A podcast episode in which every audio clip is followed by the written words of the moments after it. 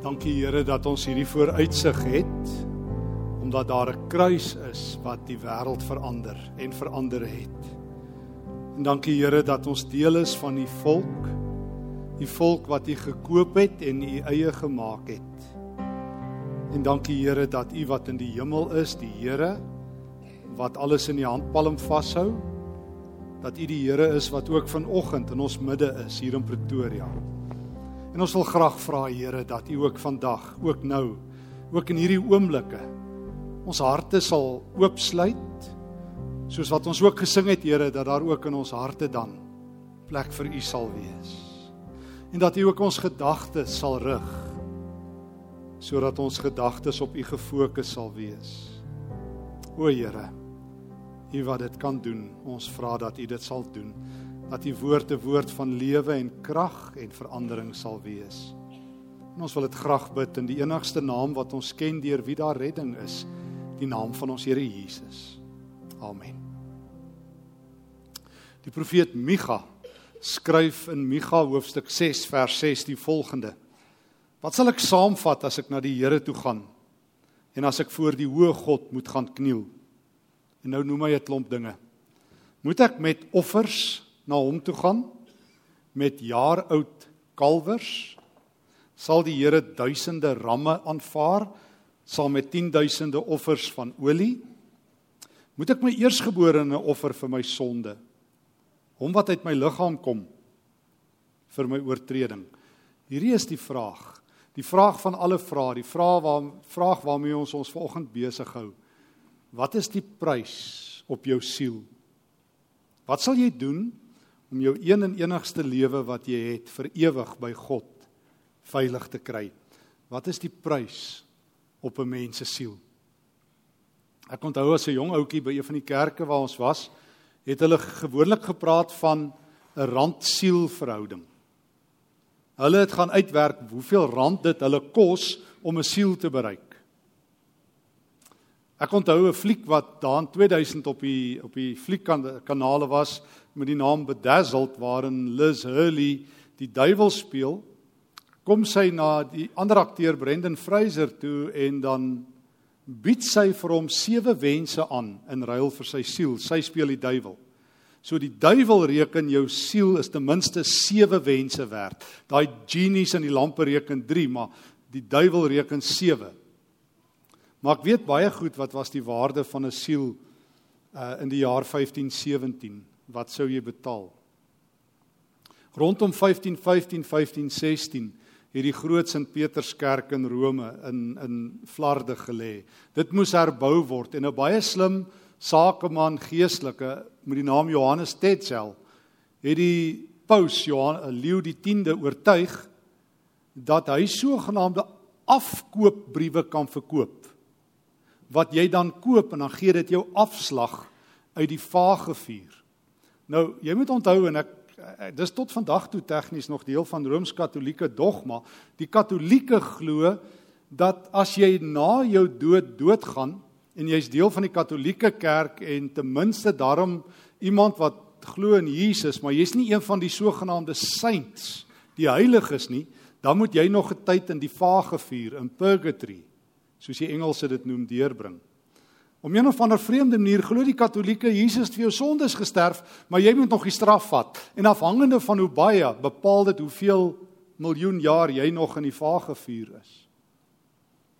En toe het Johannes Tetzel gekom en 'n afkoopbrief verkoop wat jou boekie skoon maak. So as jy daai geld neergesit het, dan is jy skoon. Dan is dit soos 'n wit vel papier, tabula rasa, dan kan jy weer oorbegin. En daar was 'n vaste prys as jy 'n adelike was, 'n koning of 'n aartsbiskop of of 'n biskop, moes jy 26 florinte betaal. Dit was die Italiaanse geldeenheid, 'n uh, goue uh, florint. Uh, en die waarde daarvan um, om 24 of 26 te betaal die adelikes was ongeveer 51000 rand in ons geld. En dan was daar sulke glyskale tot by gewone werkers, hulle moes 3 betaal en arme mense, hulle moes een betaal en die waarde daarvan is R2000. Dit was die waarde van jou siel in 1517. tussen R2000 en R51000 afhangende van jou inkomste. Het Johannes Tet self vir jou 'n brief verkoop met 'n amptelike seël van die paus en dan kon jy vir almal gewys het ek het 51 ek het nou R51000 betaal as ek ryk is en my lewe het nou oorbegin. Ek is skoon. Daar was 'n ander gebruik ook in die Katolieke Kerk wat 'n jong monnik op 'n Woensdagoggend op 31 Oktober 1517 in 'n klein Duitse dorpie met die naam Wittenberg um heeltemal um in opstand gebring het en sy naam is Martin Luther. En Luther het in 155 het hy hom het hy 'n priester geword nadat hy in 'n donderstorm beland het as 'n jong ouetjie wat regte gestudeer het. Het toe sy lewe aan een of haar heilige beloof het as God hom sal spaar en toe 'n priester geword het. En van toe af het Luther geworstel met die vraag: Hoe kry ek met my een en enigste siel vrede by God? En die Katolieke Kerk het geleer jy bid elke dag. Jy gee almoses vir die armes en dit kan ook vir jou afgee uit die vage vuur. En dan het hulle 'n gebruik ontwikkel dat jy kan gaan kyk by sekere kerke, jy kan 'n bedevaart neem na sekere kerke toe wat sekere heilige voorwerpe het, reliquieë, relics. Vanaf die laat um, laat vroeë kerk 5de 6de eeu tot en met die 16de eeu het hierdie aaklige gebruik in die Katolieke tradisie ontwikkel dat jy na die beendere van sekere heiliges kan gaan kyk. En dan afslag kry jy die vage vuur afhangende van hoeveel geld die kerk gevra het om daarna te kyk. In Wittenberg, in Luther se stad waar hy 'n priester was, kon jy op 1 November op die sogenaamde All Saints Day, een dag nadat Luther die stellings teen die deur vasgeslaan het, een keer 'n jaar op All Saints Day 1.902.224 dae afkry jy die vage vuur as jy na die ongeveer 20000 relikwie gaan kyk het. Frederik die Wyse, die ou keervors, het baie baie geld spandeer om beendere en goederes te koop. Hy het 'n gewaarborgde strooihalm van die krib van Jesus gehad. Hy het een van Maria se hare gehad. Hy het 'n vingerpinkie gehad van Maria se ma blykbaar. Hulle het 'n been gehad van jou kerkvaders Chrysostomus en 'n stukkie been van Augustinus. Hy het 'n stukkie goud gehad wat blykbaar deur die wyse manne aan Jesus gegee is by sy toe die wyse manne hom besoek het ensovoorts ensovoorts en Luther het sedert 1505 dit alles probeer. As 'n jong priester ehm um, so vertel hy later in sy boeke het hy tot 3 ure 'n dag sy sondes bely. 3 ure elke dag van vooraf en dan party dae nadat hy 3 ure sy sondes bely het, het hy oorbegin en gesê hy's te arrogant want 'n mens kan nie net 3 ure vat om elke dag deur jou sondes te kom nie. Wonder altyd wat doen 'n priester dat hy elke dag 3 ure se sondes moet bely. Maar En toe hy in 1510 gehoor as jy Rome toe gaan en op die trappies van uh, wat verwyder is uit Pontius Pilatus se huis op elke trappie die onsse Vader bid, dan kan jy ook dalk iemand so bietjie uit die vage vuur kry. En hy het vir sy pa Hans gebid wat nog geleef het en gehoop hy kan vir hom vooruitbetaal. En hy het nie vrede gehad nie. En toe doen Luther een goeie ding, hy die woord van God begin lees en veral die Romeinebrief en die Psalms. En toe gaan daar vir hom lig op. Toe gaan God se lig vir hom op. Soveel so dat Luther op 31 Oktober 1517 vir die kerk gesê het: "Kan nie so aangaan nie. Weet julle wat is die waarde van 'n siel? Dit is eindeloos meer as wat die kerk vra. Dit is so baie dat dit onbetaalbaar is. En hier is die eerste ding en ons gaan vandag by net net by drie dinge stil staan uit die skrif uit. En ek wil sê dit is die goeie ou tyding Dis niks niets nie, jy behoort dit te ken. Ek wil net die ou ou tyding van die Here se genade met jou deel. Die eerste ding wat Luther ontdek het en ek wil ek wil saam met jou na na Paulus toe gaan in Romeine hoofstuk 3. Waar Paulus dit so glashelder beskryf. Want Luther het 'n wonderlike ding gedoen as 'n jong professor teoloog in Wittenberg by die universiteit wat in 1510 ehm um, waar hy professor geword het, het Luther een ding gedoen wat sy lewe verander het. Hy het die Bybel gelees. Hy kon die Bybel in Latyn lees want die Bybel was sedert die 5de eeu tot die 15de eeu in Latyn. En Luther het um, soos hy die Bybel lees, het sy oë oop gegaan en oop gegaan en het sy hart soos die Emmausgangers van Lukas 24 warm geword toe hy God leer ken het. Eerste ding wat Luther leer ken het, hy het agtergekom wat is die prys op 'n mens se siel en wat is die waarde van jou siel? Romeine 3 vers 10. Daar staan immers geskrywe sê Paulus Daar is nie een wat regverdig is nie, selfs nie een nie. Daar is nie een wat verstandig is nie. Daar is nie een wat na die wil van God vra nie. Almal het afgedwaal, almal het ontaard. Daar is nie een wat goed doen nie, selfs nie een nie. Feit. Ons het niks om vir God te gee nie. Ons het niks in ons hande om met hom te onderhandel nie. Nie die um, ehm, 51000 rand of die 2000 rand wat ek betaal het om 'n afkoopbrief te koop nie, nie my bedevaart nie, nie my lang gebede nie, nie my goeie lewe nie. Want vir elke trappie wat ek dink ek hemel toe bou, trap ek twee stukkend. Vir elke een goeie ding wat ek doen, doen ek dalk weer twee verkeerd. Feit is, ons is almal almal sondaars. Ons is almal ver van God af. Die prys op jou siel is nie geld nie, is nie jou goeie werke nie, is nie jou goeie gebede nie. Jy het leë hande. Nee nee, hulle is tog vol. Hulle is vol van al jou sonde. Kyk op jou vingerafdrukke. Alles waaraan jy raak, druk jy sonde af. Al jou voetspore sê liter waar dit loop. Trap sondespore. Jy het niks. Jy's 'n vlugteling. Jy's in die donker. Jy het niks. Hy beskryf dit ook in ons in ons tweede teks in Efesiërs 2, een van die wonderlike tekste van van van God se genade Efesiërs 2 vers 1 sê Paulus julle was dood as gevolg van julle sondes ouens die kondisie is so groot dat God 'n doodsertifikaat teen jou lewe uitgereik het ons is almal suurstofdiewe sê Paulus ons sluk suurstof maar ons is dood in God se oë want ons ons harte het dood gegaan. Ons is ver van God af. Julle is dood as gevolg van julle sondes en oortredings wat julle lewenswyse geken het. Julle het gelewe sê hy Efesiërs 2 vers 2 soos hierdie sondige wêreld en julle laat lei deur die vors van die onsigbare magte wat daar nou in die werk is in mense wat aan God ongehoorsaam is. So het ons almal gelewe sê Paulus. Ons het deur ons sondige begeertes oorheers en van wie ons sondige natuur sou ons deur God gestraf moes word. Feit. Weet jy wat is die waarde van jou siel? Nie sewe wense nie. Nie 'n paar rand nie. Dit is onberekenbaar en ons het die kans laat val. Ons kan niks doen nie. Ons kan nie onsself voor God vrykoop nie, nie voor die lewende God nie. En dit het Luther besef, maar hy het 'n tweede ding besef. En dit begin met die woorde van Efesiërs 2 vers 4: Maar God. O ja, dis wie ek is. Ek is 'n sondaar, ek is uitverkoop. Daar is niks goed in my nie, maar God. Die vraag wat Luther gedryf het is: Waar vind ek 'n genadige God? Want die belangrikste vraag wat ek as 'n mens ooit oor my siel kan vra is: Wat moet ek doen om met hierdie een lewe wat ek het, hierdie een kans wat ek het, my lewe voor God reg te hê? Vriende, dis die belangrikste, dis die grootste vraag wat jy ooit mee kan worstel. En toe kom Luther en hy ontdek daar's 'n genadige God. Waar vind ek hom? Daar's 'n genadige God. O en ek wil in my eie tyd se taal ehm um, het ek vir myself 'n uh, 'n woord wat wat wat met myself baie resoneer ehm um, om om iets te sê van wie hierdie God is, is die woord resilience. Ek weet nie eintlik mooi wat se Afrikaanse woord nie. Ek het onlangs moes ek 'n boekie oor genade skryf en het ek dit vertaal as weerstandigheid.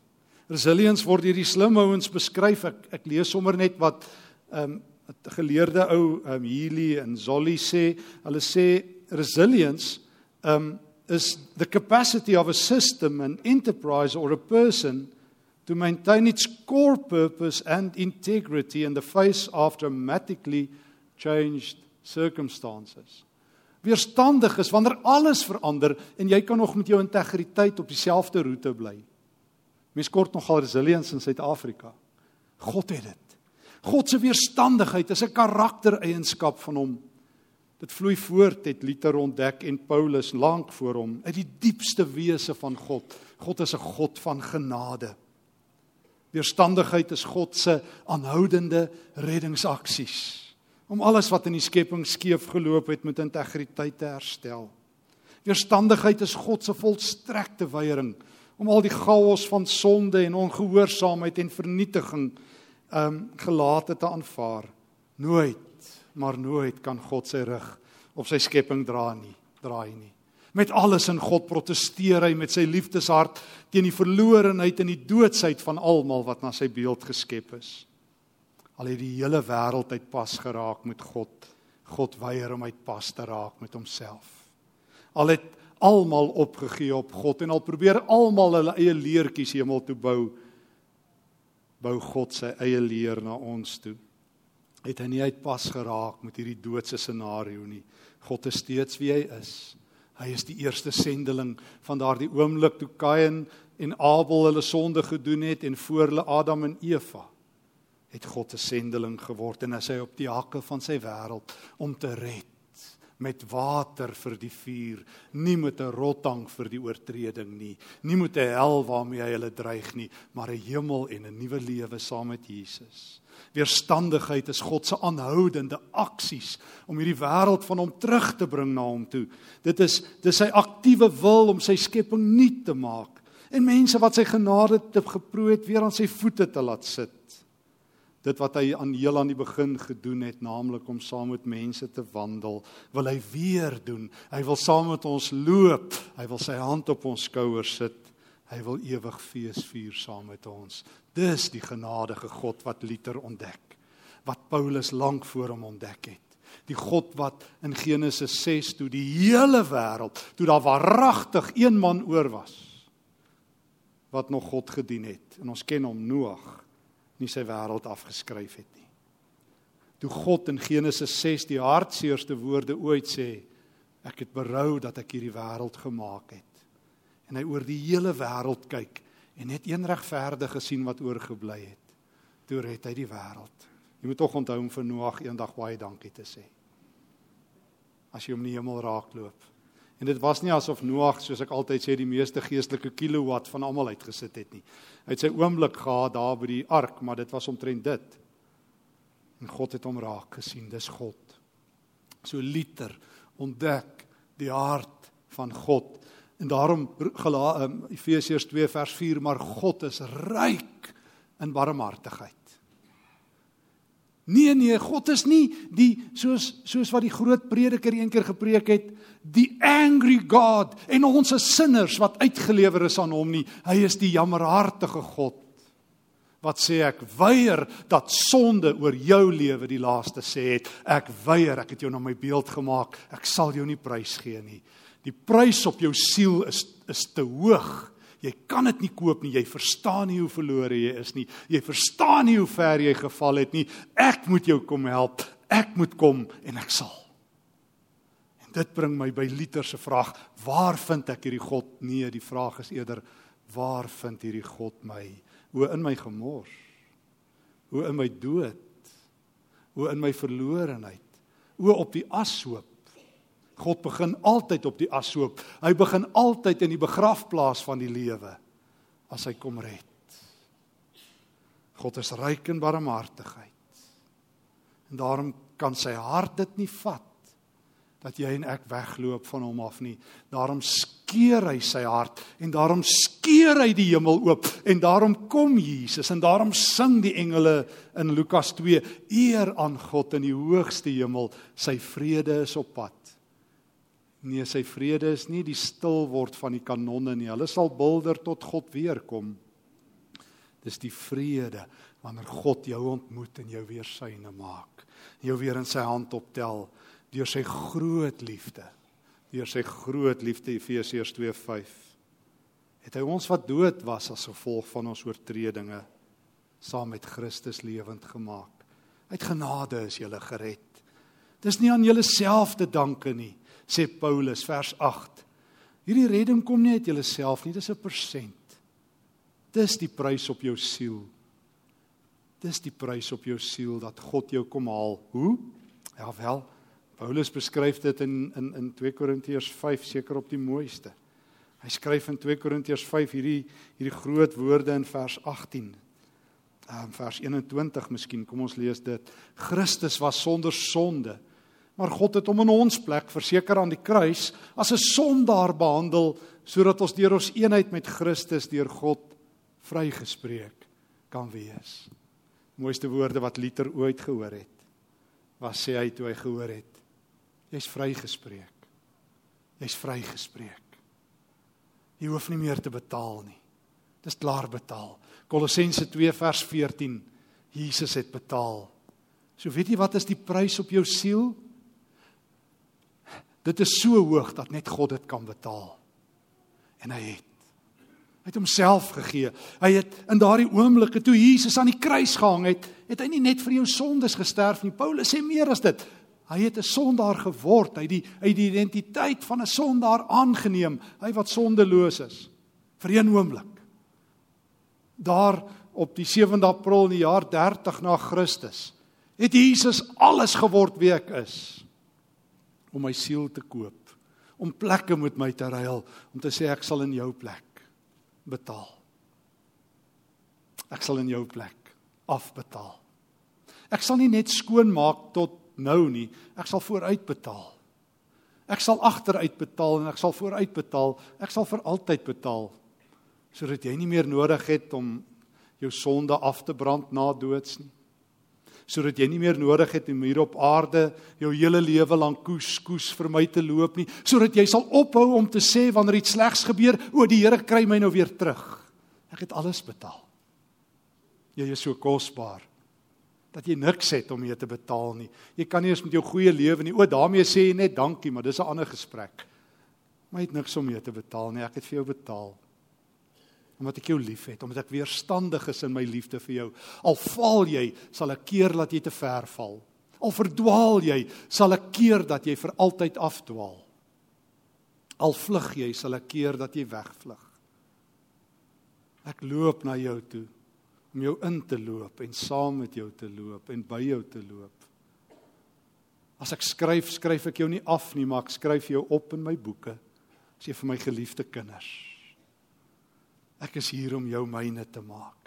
O, en het die Katolieke dan nie ook gevra, maar maar wat daarvan as ek nou daarna weer sondig nie? Want want dit is so dat Christus my kom koop as 'n sondaar, maar as een van sy volgelinge, as 'n Christen, doen ek ook partykeer sonde. En en en en is dit partykeer verskriklik moeilik vir 'n Christen wat partykeer diep val om op te hou val om die val te breek. En ook daaroor het die Bybel 'n duidelike lering. Ook daaroor het die het Luther die genade woord van God gehoor. Hoor net as ons vir Johannes aan die woord stel in 1 Johannes 2 vers 1.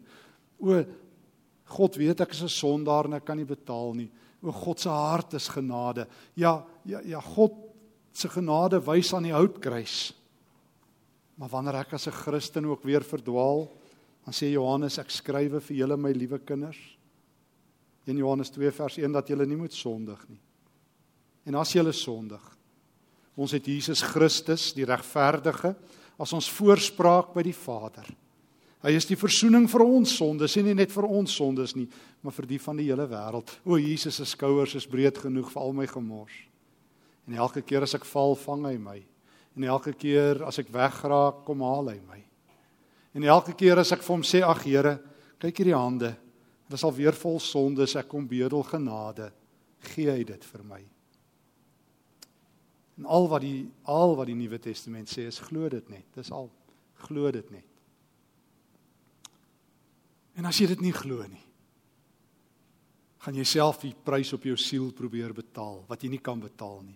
En gaan jy jou hele lewe werk om God se guns te wen wat jy nie op jou eie eh, manier kan doen nie want Galasiërs 3 vers 10 sê um, as jy met jou eie lewe wil betaal vra God 100%. Sy slaagsyfer is nie so Suid-Afrika 33 of wat ook al nie. Hy vra 100%. En daarom het hy betaal.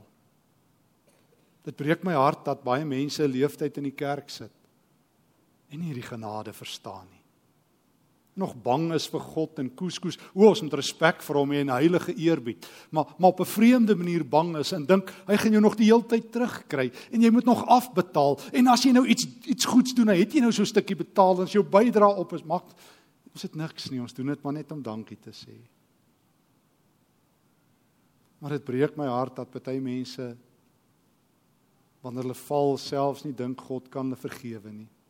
Moes 2 jaar gelede saam met iemand met wie ek op pad geloop het wat vir maande geworstel het met kan God my my sondes vergewe uiteindelik sien hoe daai persoon as te ware wegglip uit my vingers en uit die lewe en uiteindelik selfmoord pleeg.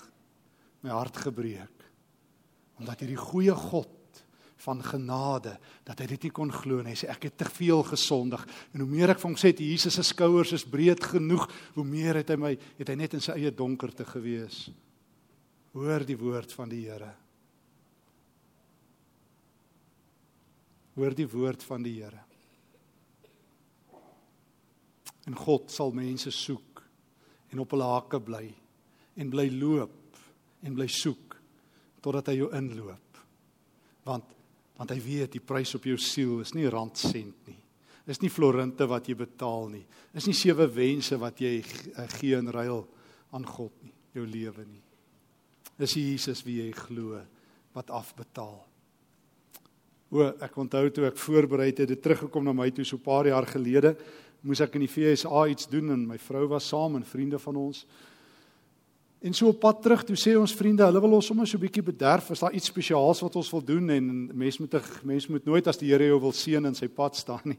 En ek vat toe die kansie en ehm um, ons sê ons wil graag na Celine Dion luister. Sy sing daar in um, Las Vegas en ons het toe gaan luister. En party ons wat al daar was, partykeer loop die duiwel daar sonder pantoffels rond, maar dit is al nie altyd so nie. Um, en ek onthou as jy vir my vandag sal vra was dit die hoogtepunt toe ons na haar geluister het. O, dit was versekerlik wonderlik. Maar daar was iets groters en dit was eintlik iets wat ek glad nie beplan het nie. Ek onthou een een oggend stap ons sommer so daardeur en ons stap by 'n koffiewinkel verby en vir my is 'n koffiewinkel altyd verpligtend. Dis deel van my heiligmaking en ons stop toe en ehm um, ek moet koffie koop en soos ek instap en stap ek in hierdie ou vas en hy stop vir my en hy sê vir my hy het nie geëet in die afgelope paar dae nie. Kan ek vir hom kos koop? En ek sê vir die Here onmiddellik, Here, U weet ek is afdiens, dis na ure, hierdie ding werk nie, ek is op uh, vakansie. Uh en die Here hou hom net heeltemal doof. En ek kyk in die ou se oë en dit's vir 'n oomblik asof ons konnekteer en dit en onmiddellik besef ek dis nie 'n kansvatter nie, dis net asof my gees resoneer en ek sê dis reg. En ek sê vir jou bestel wat jy wil hê en hy trek los en hy bestel kos en koffie ter waarde van die sakgeld wat ek vir my en my vrou vir daai dag gehad het. En ek dink dis nie fair nie. Ek weet mense moet help en alles, maar regtig, ek sê vir die Here regtig, nou sê ek um, nou gaan nou moet ek my koffie opoffer en ek is bietjie dik lip en lang gesig en en ek haal maar die geld uit en betaal en sê sir, have a happy day. Hy sê nee nee, ek moet saam met hom sit. Ons hy terwyl hy eet. Ek sê ek het nie tyd nie. Hy sê asseblief. En ek morrok so 'n bietjie na die hemel toe en dis weer 'n dowe oor en ek moet ek maar sit. En sy eerste woorde is: "Wat doen ek vir 'n lewe?" En ek wil nie dit graag nou gehad het nie. Ek wou vir hom sê ek is nou, ek doen nou niks, maar dit help nie. Um en ek moet vir hom uiteindelik sê ek werk vir die Here en hy en hy word stil en hy begin huil en hy sê vir my: "Sir, I need Christ in my life. I've been searching everywhere." En ek dink Here, Las Vegas, regtig? Las Vegas? Ja. Net daar en ek besef dis wat die Here gedoen wil hê. En daar sit ons in daai koffiewinkel en hy gee sy lewe vir die Here. En ek besef opnuut wat is die waarde van 'n siel. 'n Slegte teologie wat ek nou gaan sê en ek weet hy het my dalk klas Vegas laat gaan vir daai ou. Nee, dis slegte teologie want nou wil jy ook gaan. Maar ehm um, maar ek weet die Here sal as hy mense op hulle radar skerm met jou vakansie onderbreek, hy sal enigiets doen. Want Jesus weet wat is die alternatief. En hy weet as jy jou eie pogings hemel toe vat En hy weet ons het niks om mee te betaal nie. Ons is arm, ons is kaal. En hy sal betaal. Hy sal ons syne maak. Hy's die goeie herder wat ons in sy hande wil hou. En nou onthou ek Paulus se woorde hier in 2 Korintiërs 5. Ons het vers 20 en 21 gelees waar Paulus gesê het van van ehm um, vers 21 van Christus wat sonder sonde was, maar hy sê in vers 18, vers 19 die boodskap van verzoening uh, bestaan daarin dat Christus ehm um, dat God deur Christus die wêreld met homself versoen en mense hierdie alle oortredings nie toereken nie en dan sê in vers 18 hy het hierdie boodskap aan ons toe vertrou. En dan sê hy dit weer 'n keer in vers 19 hy het hierdie boodskap aan ons toe vertrou aan ons almal. Ons almal het hierdie boodskap gekry. Dis verniet. Maar vir oggend is die verantwoordelikheid myne om vir jou te vra as hy gesant Het jy al hierdie verzoening aanvaar? Paulus sê, ons smeek julle in vers 20 namens Christus aanvaar die verzoening met God wat hy berei eh, wat hy vir julle bewerk het. O, jy weet dalk nie eers genoeg wat is die waarde op jou siel nie. Jou enigste siel. Jy weet dalk nie eers hoe lief God jou het nie, maar hy smeek jou aanvaar die verzoening wat Christus bewerk het. Moenie die evangelie teen dowe ore laat val nie. Moenie jou hart hard maak nie. Vandag as die Here se stem na jou toe kom, laat jou hart sag wees en versoen met hom. En as jy al lank al 'n Christen is, aanvaar die genade van die Here opnuut. As jy al verdwaal het in jou eie gemors, As jy al so gewoond geraak het aan heilige dinge dat dit net nog 'n keer die Here se woord as jy net maar nog 'n preek en so gaan die lewe maar aan. God wil jou vanoggend tot stilstand bring vir 'n oomblik en sê ek is ryk in barmhartigheid. Ek het jou innig lief. Sonde het nooit die laaste sê oor jou lewe nie, my genade het. O, as jy van nou af praat, dan sien jy nie 'n sondaar nie, maar dan roep jy saam met Luther uit, ek is 'n begenadigde. Dan roep jy so saam met Augustinus uit, but for the grace of God, there go I, toe hy 'n sondaar gesien het. O, God se genade. Aanvaar die verzoening. Aanvaar dat God se genade vir jou meer as genoeg is. Hoor die Here se woord, hoor sy wekroep hoor sy pleit om jou siel. Amen. Daar's geleentheid vir stil gebed. Kom ons praat elkeen met die Here.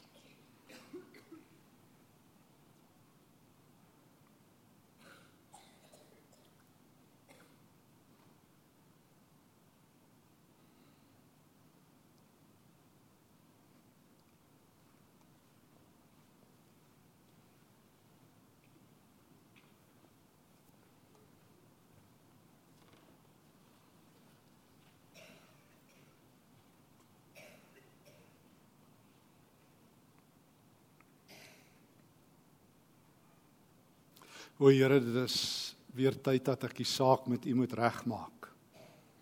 U wat sê al was my sondes so hoog soos 'n berg,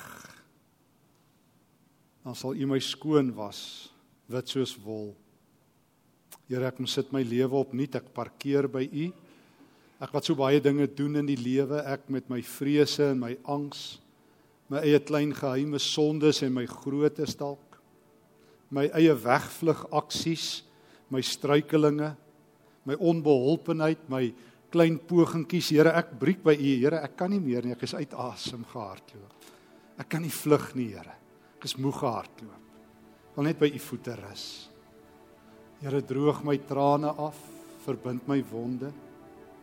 Deel hemelse water uit. Ek is dors en honger en lewende brood. Jesus, wees U my Here. Wees U die Here wat 'n volkomme vryspraak vir my bewerk. Dankie dat ek by U kan rus.